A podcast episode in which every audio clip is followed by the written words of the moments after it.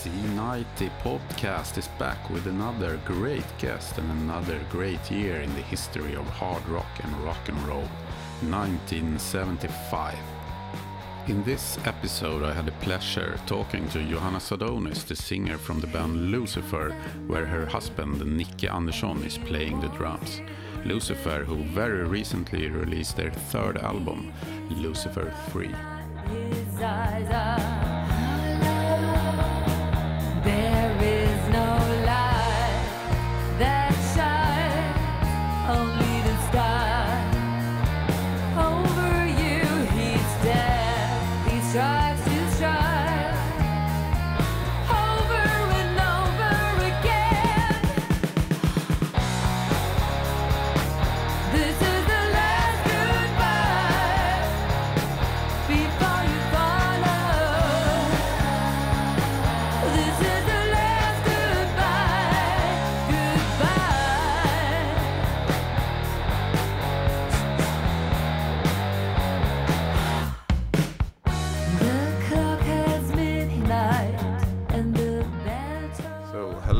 And welcome to C90 podcast. Hello, thank you. Uh, how are you these strange days? Um, we're doing all right. It's a bit um, unsettling, um, but where we live, um, out in the countryside, everything looks very normal. Of course, uh, I'm reading the news every day, so I'm well aware of what's going on. Um, I mean, we are personally affected, of course, as well. We had a European tour coming up with Lucifer that we just had to postpone for next year, um, February. And this means we won't play shows the next, I don't know, two, three months. I guess we have to wait and see what happens. I mean, we put ourselves in um, self imposed quarantine because uh, two weeks ago we just got back from South America where Nicke was playing with Hellacopters. And we traveled via Spain, going there and coming back through Portugal. And it was an eerie scene because the airports were very vacant. You know, everybody was walking around with masks. We had to actually undergo like temperature tests and so on.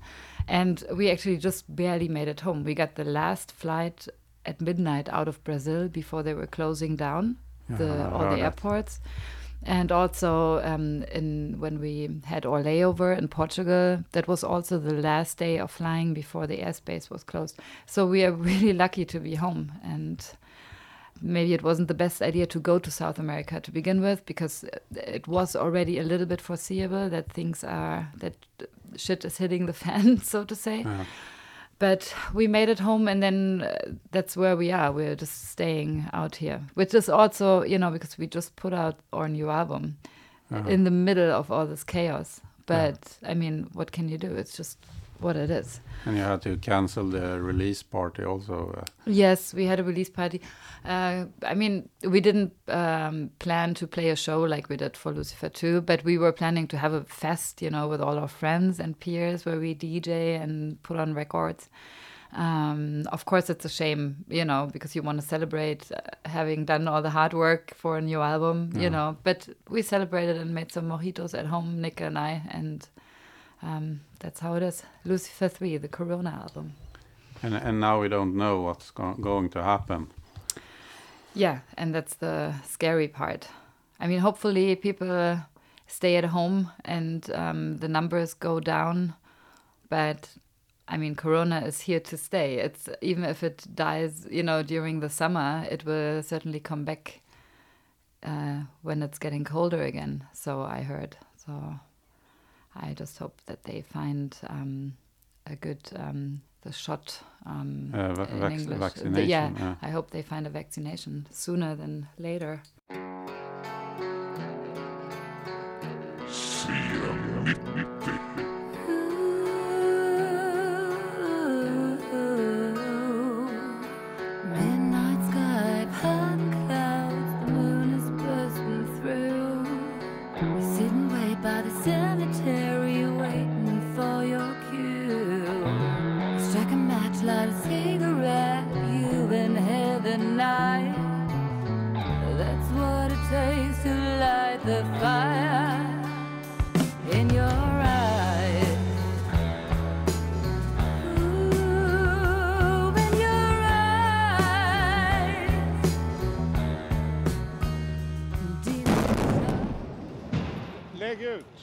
Lägg ut! Lägg ut! Lägg ut! Lägg ut! Lägg ut!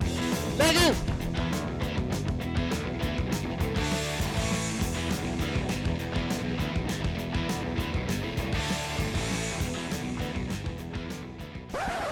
Nineteen seventy-five. It was the midway point of the me decade, a time of historical change and new possibilities. Well, it's right in the middle of our favorite decade, and um, we were able to pick uh, most of the 70s years. And um, right away, when we looked at what came out in 75, I mean, that's so many of our favorite albums. Um, it's actually it's it's beautiful and sad at the same time because uh, times definitely have changed in regards to that. So there's so many masterpieces that are very important to us that came out that year. Absolutely. And uh, it feels like a good start with to start with Blue Oyster Cult. Do you think so? Absolutely. Um, Blue Oyster Cult um, obviously plays a big role in Lucifer, uh, especially between Nick and I. Um, Blue, Blue Oyster Cult was the first thing we talked about when we met. And uh, we never stopped talking that night, and but it started with Blue Oyster Cult. Yeah.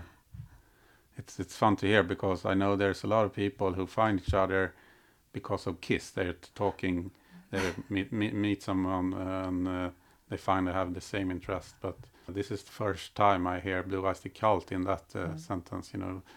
Yeah. Right. And you think Kiss, especially because of Nick uh, always waving the flag. Yeah. You can say that if it wasn't for Blue Oyster Cult, Lucifer w- wouldn't be the band it is today. I don't know if you could say that, but um, it does play a big role as an influence, especially now with Nick uh, involved as my songwriting partner for Lucifer. Uh, there's a lot of um, tipping the hat, Yeah. or if you want to be uh, more frank, uh, borrowing things from Blue Oyster Cult. Uh, but I guess that's what you do when you love music and you make music. You know, you just kind of stand as a filter of your influences. Do you always uh, discover them? The, the the stuff that he has borrowed. Yeah, You mostly. yeah, Yeah. yeah. I mean, we do listen a lot to Blue Oyster Cult. Yeah. But uh, it's not only that. I mean, there's so many uh, more influences, you know. And um, I think for me, Lucifer started with, you know, uh, Black Sabbath Yeah. as a um, main influence, and that's um, there very much uh, in the presence as Yeah. well. So in the year 1975, Blue Oyster Cult um, put out a live album, uh, "On Your Feet or On Your Knees."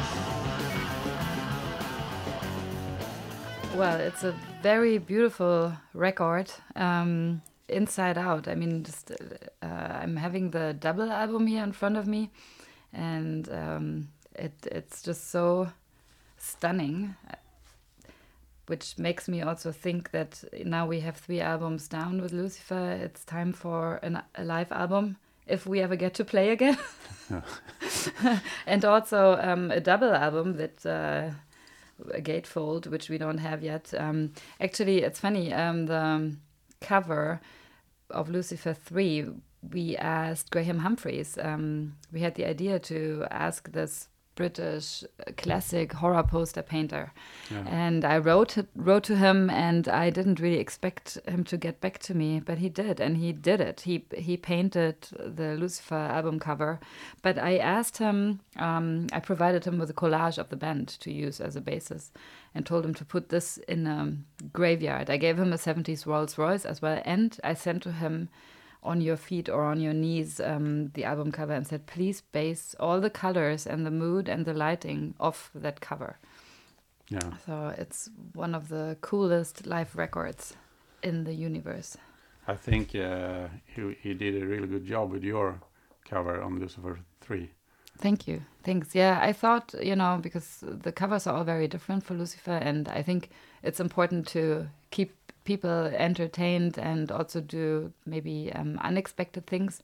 The first album cover was very minimalistic, and um, it for those who haven't seen it, it's mint colored with a gold logo. And back then, a lot of people gave me shit for it um, because they expected um, with the first Lucifer album. Uh, and all the doom and so so on on it that it should be probably like black or with some purple or whatever a doom band is supposed to do. And um, I like to surprise so I picked those colors which I kind of stole from Alan Parsons Eye in the Sky album. Um, and then the second album was very in your face with a red background and us on the cover. And now I thought okay I don't want to put my mug on the cover again. Um, let's have a painting instead. And yeah that turned out pretty Yeah, really. And yeah right and the the reap the reaper are, are in the picture too. yeah the reaper was actually not planned um, so alexander meyer our bass player who has been with us since lucifer 2 came out and he's been touring with us for almost two years now but um, he left the band um, unexpected because he um, suffered from a burnout syndrome. So his doctor said, "You can't work, you can't go on tour." But for Lucifer, we have to go on, you know. So we um, uh, we all decided um, with Alex that he's leaving the band, which uh, was a shame. But anyways, he was planned to be on the cover. Um, that was the template that I had given to Graham Humphreys, uh, the painter. Um, and when Alex left, um, I wrote Graham a mail. Have you started painting already? You know, we need to replace Alex with a Grim Reaper. he just left the band. I mean, this is so Spinal Tap, but life happens. It was a well working plan B or something like that, don't you think? We gave him the. There's a scene in Mon Monty Python uh, movie with a Grim Reaper um, coming into this cottage. Uh, and it's pretty comical. So that was actually the Grim Reaper we told him to Yeah. to, to draw. When you're talking about Blue Oyster Cult, um, it's like everyone really likes the song "Don't Fear the Reaper," uh, who came out later later on. But everybody likes it, but often they haven't heard any other Blue Oyster Cult songs. Well, Uh, that's how I started off too with Blue Oyster Cult. As a teenager in the 90s, a friend had given to me the Agents of Fortune album. And I love Don't Fear the Reaper. And I've always, you know, since I was a teenager, I made myself lists, songs to play at my funeral, you know. and that was always the number one in the playlist. Um, and it took me some years because as a teenager, I. Um, I kind of dismissed all the 70s stuff that I love so much now as like my parents' music. You know, that yeah, that was cool, but it wasn't like I went into extreme metal then. And um, it took me some years to really get into uh, the history of music and um, um, and lay off this, you know, I'm evil and I only listen to death and black metal Yeah. thing, you know, that you that I had as a teenager. So so yeah, so then uh, it took me some years to really dig into the Blue Oyster Cult discography. And um, there's so much great stuff to find, you know, on Secret Treaties, for example. Yeah. there's i mean um specters you know godzilla and nosferatu. I love there's there's so much stuff. I mean these are all um like um, on secret treaties Fl- flaming telepaths and and so on. I mean these are all very obvious songs and my first digging into blue oyster cult i felt like they have like three hits or something on every song uh, on every album that i really love and the rest kind of feels like fillers. Meanwhile i have changed that opinion. Totally. Now i love all the what i um, the so-called fillers of what I thought first. I mean, that's really nonsense. I think it's because they are very odd and quirky band, and um, it's not so obvious. It is a band for nerds, I guess. But um, also their style, you know, because they have this shtick, how they look and everything that they do, you know, with their cult and their their symbol, and they do um, Strayan, you know, like the odd mystical um, um, things, you know, into the lyrics and so on. Um, I really, really love it, and I think that's kind of how I see Lucifer as well. Because a lot of people ask me, "Why do you name your band Lucifer? You don't sound like Evil. like you don't sound evil. It's not like grindcore. Or I don't know, but you know, some people think we should sound more more metal or um, the everybody has different associations with the name Lucifer. I do like this kind of rock and roll approach of like the Rolling Stones writing "Sympathy for the Devil" or "Dancing with Mr. D," and Blue Oyster Cult, uh, you know, having um, um, their kind of evil lyrics. Um, and Black Sabbath, you know, the, the more of a old school heavy rock approach um, of um, and view of the devil and and demons and wizards and whatnot. You know, I think that was more what I had in mind for Lucifer.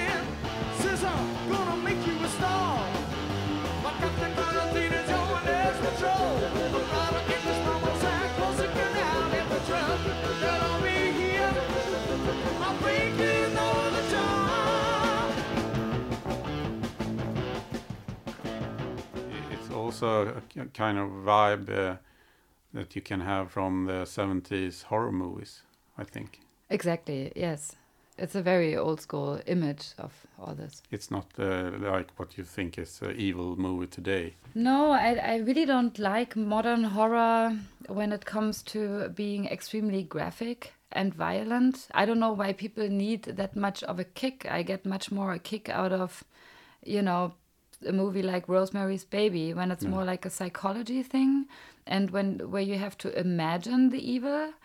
You know, I mean that starts with Hitchcock, Psycho. You don't actually see her being stabbed in the shower but you know she's being stabbed because they just filmed it so clever. And I think you don't need to see a knife twisting in a body. You know, uh, it's the horror in your head that that I find way more interesting.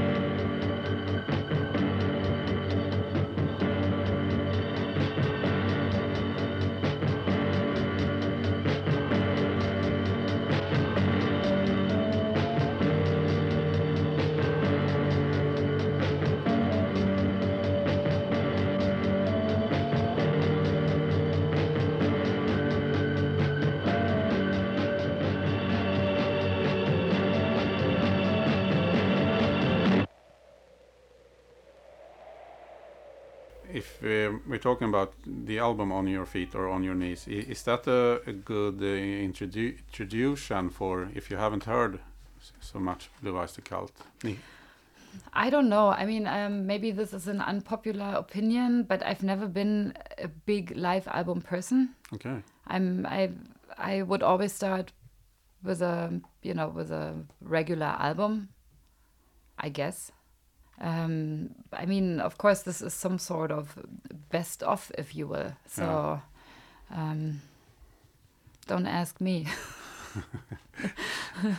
um, yeah, m- maybe it is good. I mean, it does have a lot of uh, classics on there, like Cities on Flame and and Harvester of Eyes and so on. Um, But there's a lot of jamming and stuff. Like yeah, maybe- exactly. So that could get a little bit um, spärlich, as we say in German. Um, um, maybe not the easiest approach Yeah. towards Blue Oyster Cult. You want it the best and you got it. The hottest band in the land. Give!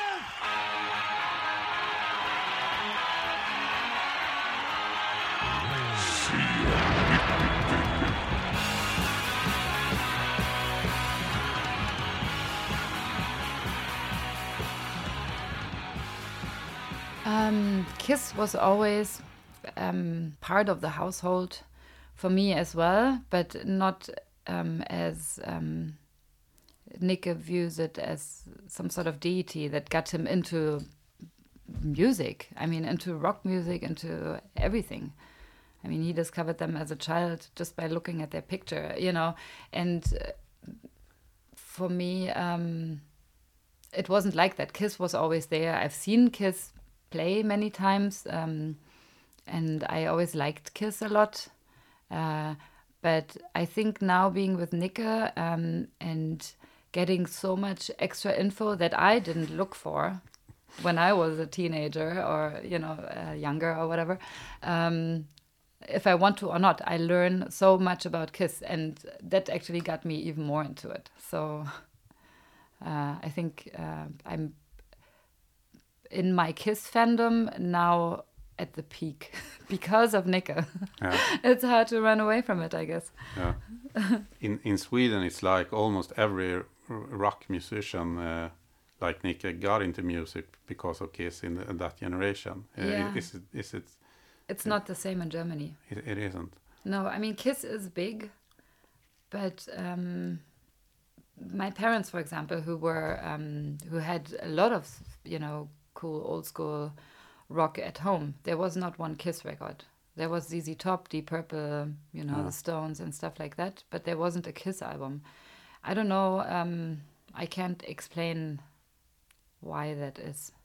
Maybe it's also different because I'm a GDR child. I don't know. Um, maybe Kiss wasn't big in the in the GDR because nobody could buy their records there. You know, maybe that maybe that's part of it. Was it easy to get other stuff, other bands? N- uh, not really. I mean, what people usually did, they smuggled records Okay. yeah. and they bought them out of trunks from you know somebody brought it back from West Berlin and they copied it for each other on tapes or they recorded um, on on cassette tapes or whatever what they heard on West Berlin radio. So no, you didn't have really access. It, it was hard work to get stuff. Yeah. Um, I- if you if you should compare, you used to live in Berlin. mhm. Uh, If you should compare um, to live in Stockholm, You mean in general? yeah, in general. Um, well, Berlin is quite a big city. There's a lot going on. Um, there's a lot of rock and metal shows, but it's the same here in Stockholm. Just that Stockholm, for me, um, feels a lot smaller. But um, you know, because the, of course it has less inhabitants, etc. But then again, it seems like there's more people. Um, the percentage of musicians is just so much higher. I mean, I know Berlin is a music city, and almost everybody I know there also is related to the music business or plays in bands, etc. It just feels like um, that for me, Stockholm is way more. Um, I won't say mainstream, but it just seems like a lot more people know um, are nerdy about rock and metal. Um, in Berlin, it's more of a scene thing. I mean, you. I don't know. I'm. I used to run a heavy metal club night in Berlin for nine years. It was like um, classic heavy metal and hard rock, and it seemed more of a, you know, like the the rock and metal scene is more like a, it is really more of a scene thing. While here it feels like almost any any regular dad knows has some insight into rock and metal music. I don't know. It seems way more um, accepted in society. I, I just feel also playing in bands. I think in Germany I always felt a little bit uh, looked upon to like a freak almost. Okay. That's part of like an underground scene. Uh-huh. I think here it's more normal. But then it's really hard for me to say because I have always been in a bubble surrounded by, you know, other musicians and bands and so on, can anywhere understand where I lived. So it's kind of hard to have like an objective view. But I think that a lot of people from other countries are a bit surprised that there is is uh, so uh, few uh, clubs uh, in Stockholm that that you, there isn't a lot of places where you can uh, see bands. That is true. Um, and it seems like they're also dying out more and more, huh? And Yeah. that's a shame. Yeah, I, that is kind of. Um, I don't really understand it because there's certainly an audience. I mean, Yes. you have big Swedish uh, festivals, rock festivals, and um, magazines. And I mean, you can go into a regular supermarket and you find classic rock or Sweden rock or rock and roll magazine. Yeah, and there's a lot of bands. There's Also. a lot of bands. Um, yeah, it's it's a strange thing, but I guess it's uh, probably the regulations, the rents, and everything that is a big risk to own a club.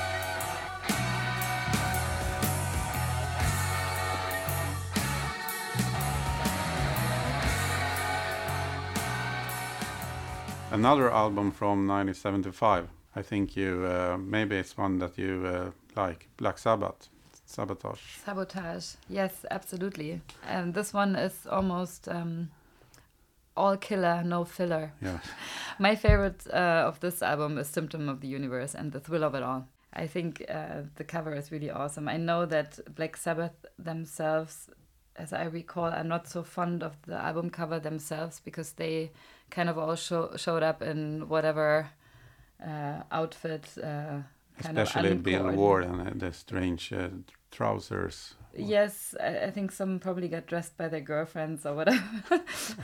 but I think it's great. It's a um, it's the um, But it's a bit weird, you know. It, it seems like a photo you take before the the, the actually shot, you know, when you're just preparing. yeah, but this is uh, this is really cool. You know, Yeah. you have the front where you see everybody from the front and the back. Uh, you have this with a few albums. This is Aerosmith. Uh, no, but uh, Sabotage now. is maybe not such an obvious Black Sabbath record when you ask people what's your favorite Black Sabbath album, you know. But I've, um, then Oh. maybe you don't hear Sabotage so often. Um, but I think uh, this is one of my favorites.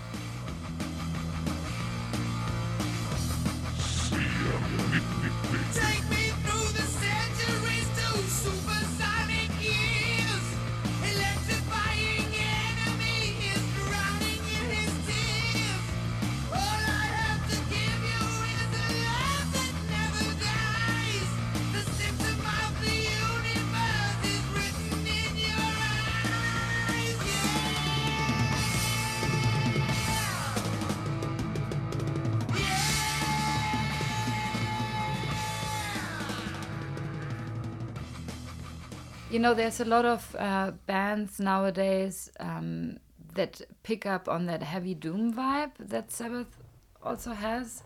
Um, but I think Lucifer maybe draws the influence more from everything, you know, also the poppy side of Black Sabbath.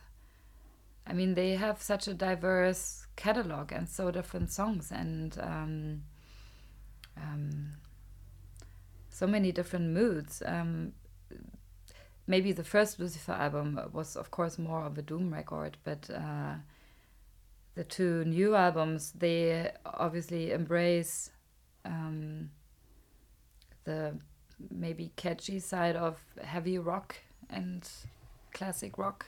Yeah, Um, I don't know if we achieved that, but we're trying. because Nick and I were both suckers for pop melodies, you know, and um, I mean, uh, pop. Um, people say pop when a song is catchy. Uh, I mean, that's the goal. Whether or not we are getting there, I can't say.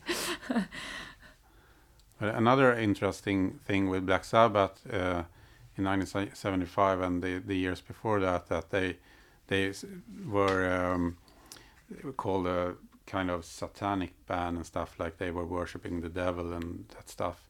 But uh, all of the members were Christian. Yes, and I think it was more a shtick in the beginning. Yeah. because they saw a movie called Black Sabbath and they thought it's a cool thing. It was pretty fashionable at that moment in time when they started to embrace the devil. Um, And uh, the, the the record company sort of used that, you know, on the first album when you have with the the, inverted cross that they made, and yeah, yeah, yeah. and maybe they weren't so uh, involved in in that that stuff and with the artwork. No, they weren't. Uh, I'm sure they they probably liked the horror side of it, Yeah. and the record label um, kind of tenfolded uh, that. Mm. I mean, later on they they are kind of dismissing that. Then again, that's their shtick that they're still playing on.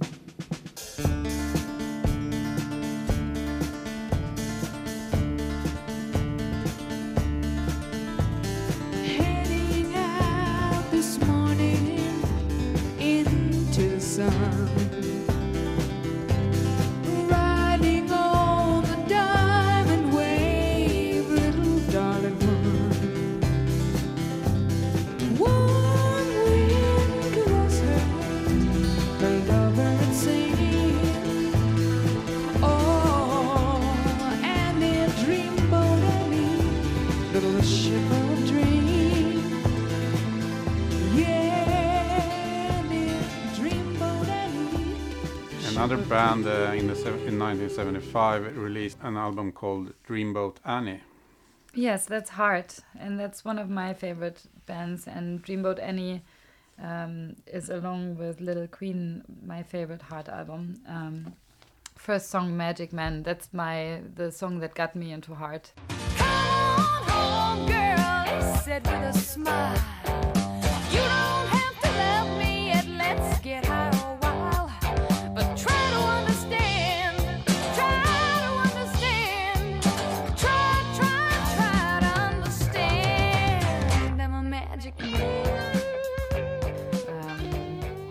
when I heard that for the first time, it really blew my mind. The thing is, Heart um, were unknown to me. They were not very famous in Germany. Maybe later on with MTV and the 80s, Yeah. but but not 70s Heart. That's something that I found much later, and I couldn't believe that that uh, um, how that's possible. That um, because they were so famous in the States and Canada and everywhere. I don't know how was it in Sweden. It was the same, uh, you know. You you I first heard of Heart with uh, MTV hits like uh, uh, Alone and uh, Yeah. that uh, these dreams and that stuff. Mm. And I didn't even know that they had a career in the 70s with uh, with those albums. I mean, look at them. I'm I'm opening up the um, Sleeve, yeah. the sleeve right now, and Yeah.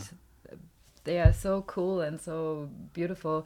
No, and then um, when I heard Magic Man, then I started digging, and I found these cool um, TV performances of them playing. Um, I found a few songs. I think it was "Crazy on You," "Magic Man," and um, there's quite a few videos if you, if you YouTube it, and um, I couldn't believe it how cool they are. I mean, her voice, um, incredible, and um, Nancy's guitar playing, um, and she's so cool at it. They started off as a Led Zeppelin cover band, and they still to this day always have. I think three or four Led Zeppelin covers towards the end of their set list. Okay. Yeah. Um, yeah, and "Crazy on You" is on on this album as well. White Lightning and Wine. The most famous song with Heart from the 70s is Barracuda. Barracuda. that- That's on Little Queen. yeah, Mm. it's an earlier. Yes, Wow, that sounds very much. Whenever I DJ, um, I always play Barracuda by heart, and then uh, "Immigrant Song" by Led Zeppelin right next to it because Okay. it's so similar with the riffs. It just fits perfectly. Okay. She, yeah. ha- she I mean, she has kind of the female Robert Plant voice. You, but you can still uh, he- hear her voice, uh, how amazing it is in the even in the hits from the 80s. You know. No, of course. I mean, the the voice is, but they didn't write their stuff in the '80s. They, I think, Ah. they had mostly other guys writing for them, Yeah. uh, thanks to the stupid record companies.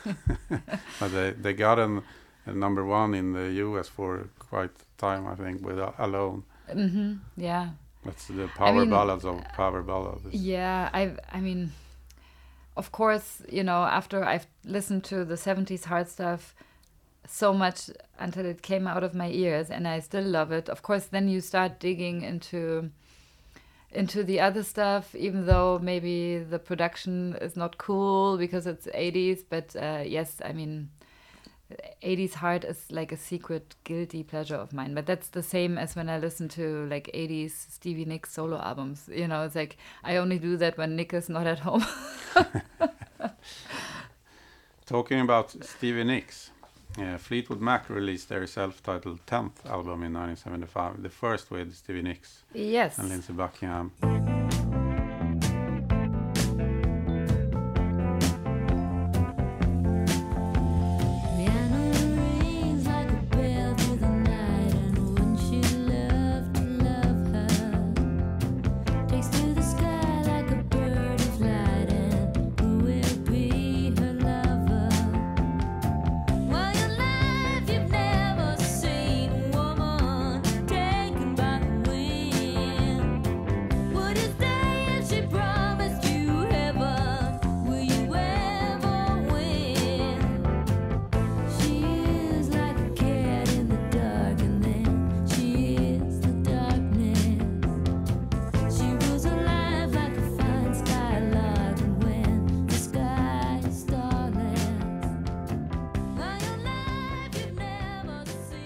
Oh, I love it. Um, I mean, I know the cool thing to say is that Fleetwood Mac with Peter Green is the best, and yes, Peter Green was great.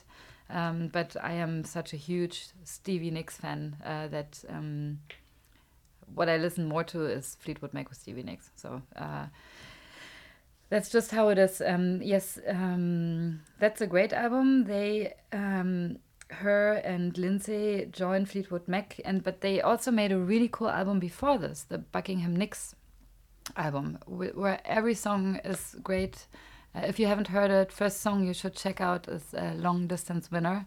Okay, but that's not seventy-five. Um, then they joined Fleetwood Mac for this album, which is curious because they this album is self-titled, and that's the second self-titled Fleetwood Mac album. They had one with Peter Green, also only Okay. called Fleetwood Mac. Yeah, Yes. Um, that's a bit strange.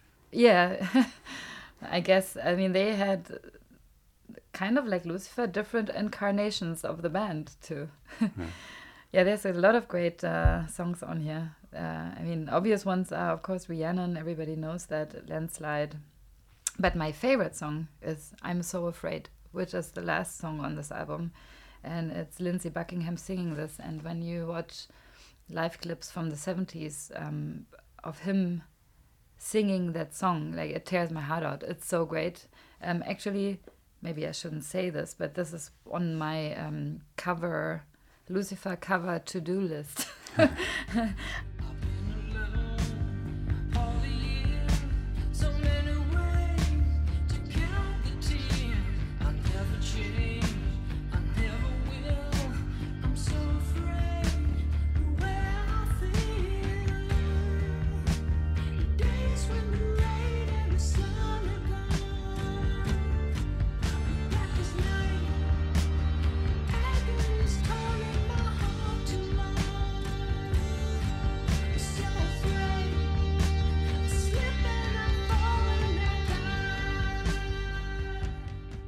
i do want to get around of covering that. It's it's really um, you feel that it's sincere which is i think a very important part of playing music you know that uh, you mean it.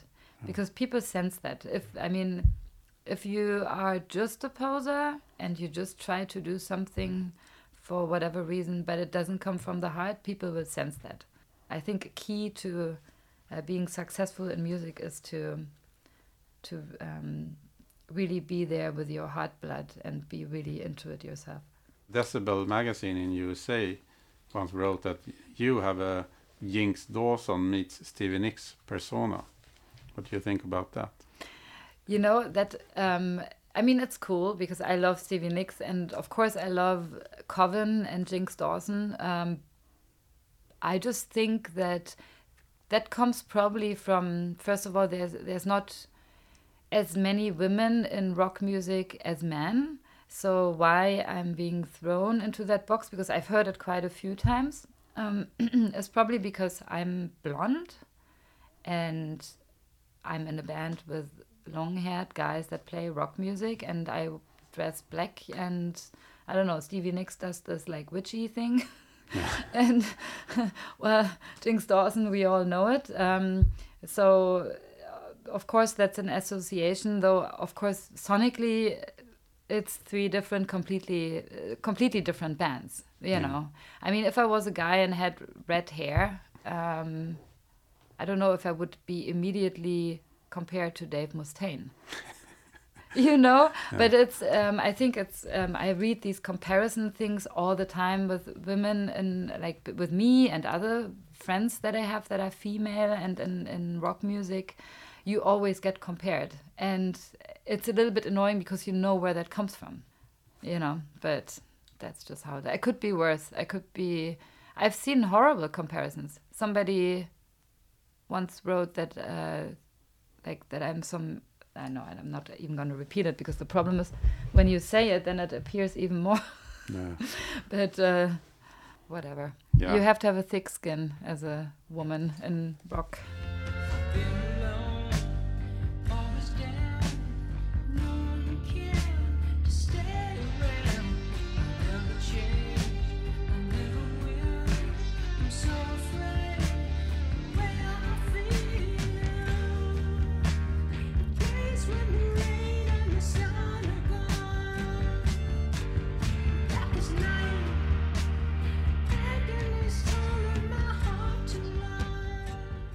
See, but that's the thing. I would not. I don't think I would dare to cover a song where Stevie sings because I, th- I think then it's cooler to cover a song that a guy sings, just Ah. because it's maybe not not so much the obvious thing. Also, um, I, I think you can't like you can't. Uh, it's not a competition or anything, but you can't compete with. Um, I just wouldn't dare to, you know, recording a song that Stevie Nicks sang because it's gonna suck against hers. Absolutely.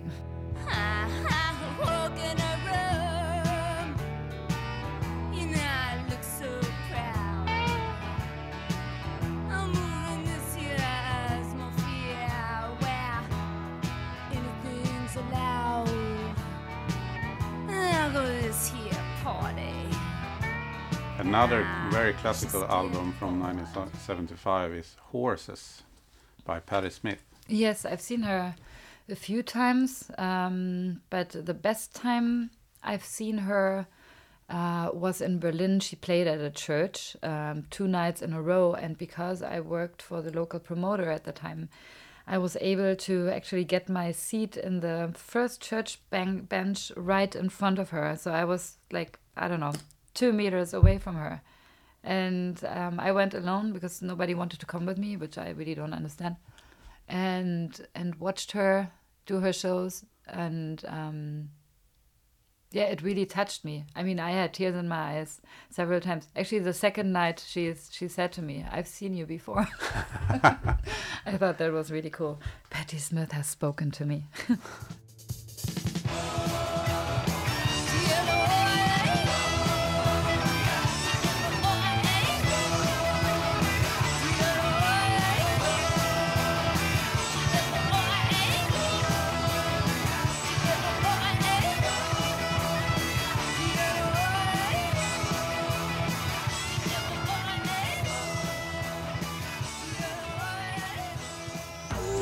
were a bit different in 75.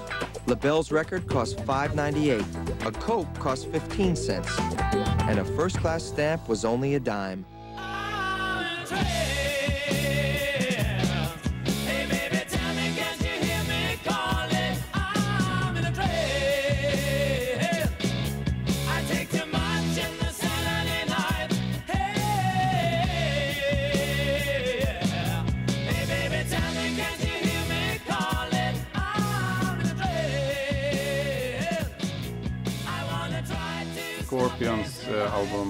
In Trance, yes one of the um, greatest albums from 1975, maybe.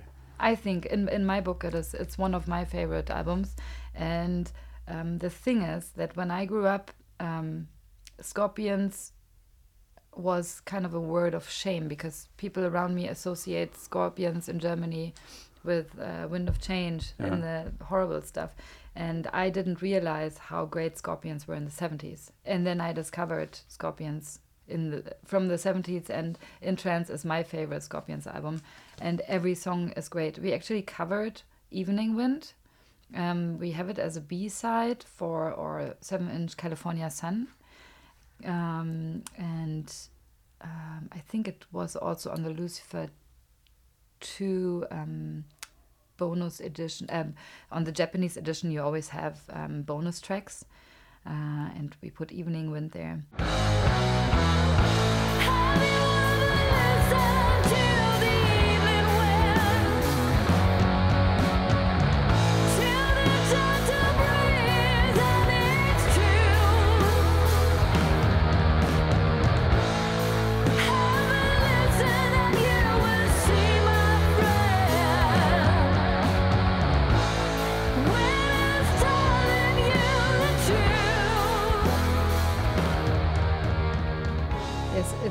So melodic, and I mean, okay, he has this heavy German accent. Yeah, Klaus. just like me which is funny because i actually i lived in los angeles for three years and by the end of that time in la my accent was almost gone and people when i talk to people they're like you're from somewhere in europe but they couldn't figure i mean now when i open my mouth it's like you are from germany it just Period. crept back in but i guess that's my identity yeah you have that with klaus um, but his singing is so awesome and um, um, Uli um, Roth, as Yeah. we say in Germany, his guitar play. I mean, that is really tearing my heart out of my chest. It's so beautiful. Um, if you don't have this album, listen to Life's Like a River, um, Living and Dying, and Evening Wind. Those are my favorites. Really cool album. Also very uh, kinky, beautiful cover of a hot blonde in No, no. stockings over a guitar. really cool album. Uh, But that's interesting with Scorpions because uh, a a lot of people like me in that generation, when the big uh, wave of heavy metal and hard rock came over Sweden and the kids, the albums that you know from Scorpions were maybe Blackout and Love, Yeah. Love at First Sting. That's the 80s stuff again, right? Yes, Yeah. and then uh, early 80s, and I think still good stuff. And they released the, the, the Worldwide Live, and the, there you have a medley with some old songs like in Steam Rock Fever and from the. So I think a lot of people had to do the homework with Scorpions. yeah. Everybody sort of walked away from Scorpions, you know, if you were into hard rock when they re- released Wind of Change, as you mentioned. Exactly. Mm. But it, you also have the, all, all the great albums from the 70s that I think a lot of people who was into hard rock hadn't heard. Well, maybe it's because a lot of these bands get got big in the 80s, Yeah. and so people forget what came before. And yeah, no, definitely, just like Heart, um, a band where the diamonds are to be found in the 70s. Do you think you can tell?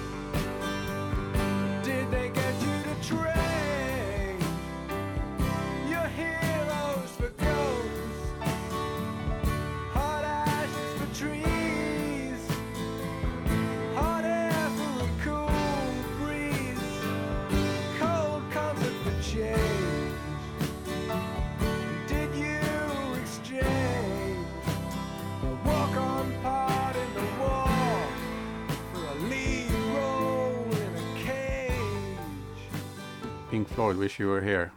Yes, um, that's a record that I also got from my parents' record collection. I think all of their rec- uh, rock albums are now here in Sweden. I love that cover with the yes. two, two businessmen shaking hands, and one is actually on fire here. Yes, this is um, uh, this album actually my parents bought in the eighties when we moved to West Berlin, so that's why it looks like this. um, That's how they should look, I think. so that's kind of like a mother's milk because that was something that my stepdad and my mom listened to a lot, and um, I really love "Shine On You, Crazy Diamond," and of course "Wish You Were Here." Yeah. and yeah it's it's such such a beautiful album i can't really i mean it's also really sad shine on you crazy diamond Nobody knows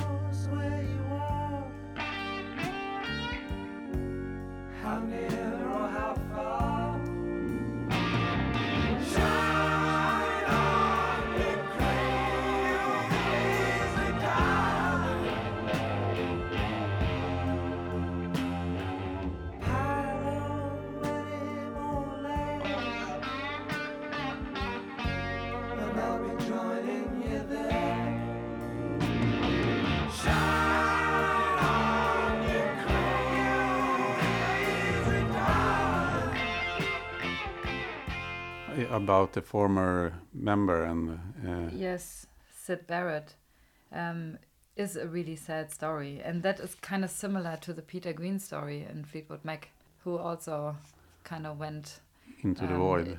into the big void of Yeah, drug abuse and um, being a sensitive and he was, uh, uh, yeah. Wasn't wasn't this um, album cover also made by what were they called Metamorphosis or you know that design team yeah, that yeah, did think so. Houses of the Holy by Led Zeppelin and Yeah, that can be um, right. But I just love uh, the way a lot of bands were thinking in the 70s when they really put some uh, work into the album covers and you know to, to create the image during all the all the stuff that was from the band. Absolutely, and I think they were also all really diverse in their ideas. And I think nowadays, you know, most metal albums look kind of. I mean, I'm talking about the wide, broad, um, like Yeah. the regular me- metal album. You will see that what it is, you know. But Yes. but in the 70s and then also in the 80s and in the 60s, of course, um, album covers were so diverse. And that's kind of how I also felt when, you know, MTV started with the music videos. It was, people put like a lot of crazy ideas in, Yeah. into the visuals. And then later on, that all went away. And now Yeah, it's a shame we don't have that anymore. Speaking of MTV, because I grew up with that, you know. uh, me too. So I, I really miss that sometimes.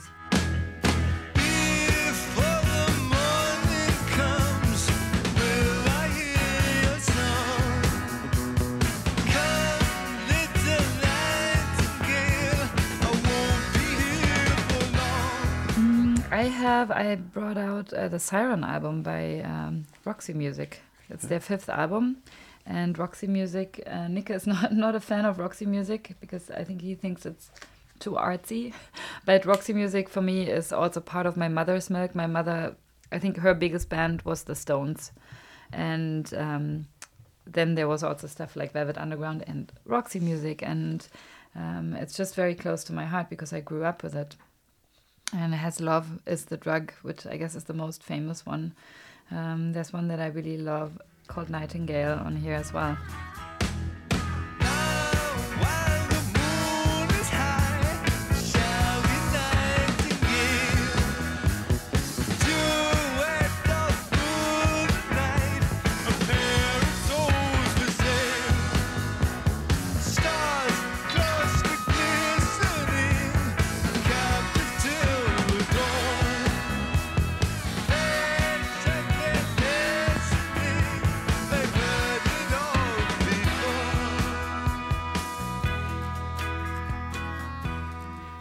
beautiful cover with um, jerry hall um, as a mermaid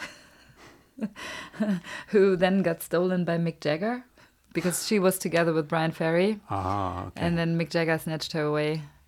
Yeah, she she is a beautiful woman. Yeah, I do. I did note um, physical graffiti by Led Zeppelin, Yes. but I just couldn't find it in our collection because um, we really have to put our records in order. Um, I explained before that um, we have them ordered um, alphabetically, but within the letter they are not in order. So, and then we have a big pile of records that we DJ with, and so so it's uh, it's all very mixed up. I couldn't find physical graffiti, graffiti but um, my favorite song of that album is "The Rover." I think it's really awesome. Yeah. Talking about bands who put effort in the album covers, Led Zeppelin. Yes, exactly. Yeah, with that uh, famous uh, New York City house, and now we're coming back to Corona, and we've been told by some of our friends in New York City, like Fred Estby, for example, that it's. I mean, it's crazy there right now. It's Yeah. the epicenter of Corona in in the states right now, and Yeah, I saw a picture on him uh, yesterday, I think, on social media where he had this. Uh, mouth guard. yeah. yeah. And it's not a mouth guard. I think that's what dogs have. or, I'm not sure. Anyways, the protection. Yeah, mouth protection kind of thing. So uh, Yeah, I don't know why he left the house, but because you're not really supposed to. And I know that Fred, uh, he always goes to the gym, and uh, the other day he um, on Facebook checked into the the workout bunker, and I commented, "You're asking for it, huh?" And then he said, "No, no, no. The bunker is actually the second bedroom, so he's working out at home."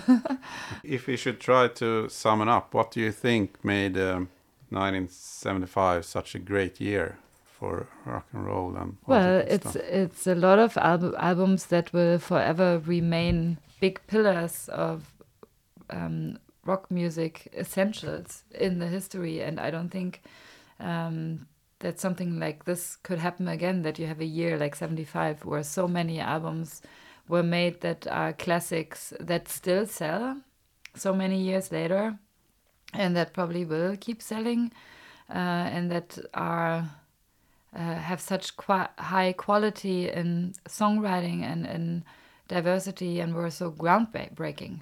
I mean, you can't reinvent the wheel, and that's, you know, I mean, obviously with Lucifer, we we are not trying to do that. We do the opposite. We kind of dwell on the old school way of making music. That's kind of like meat and potatoes.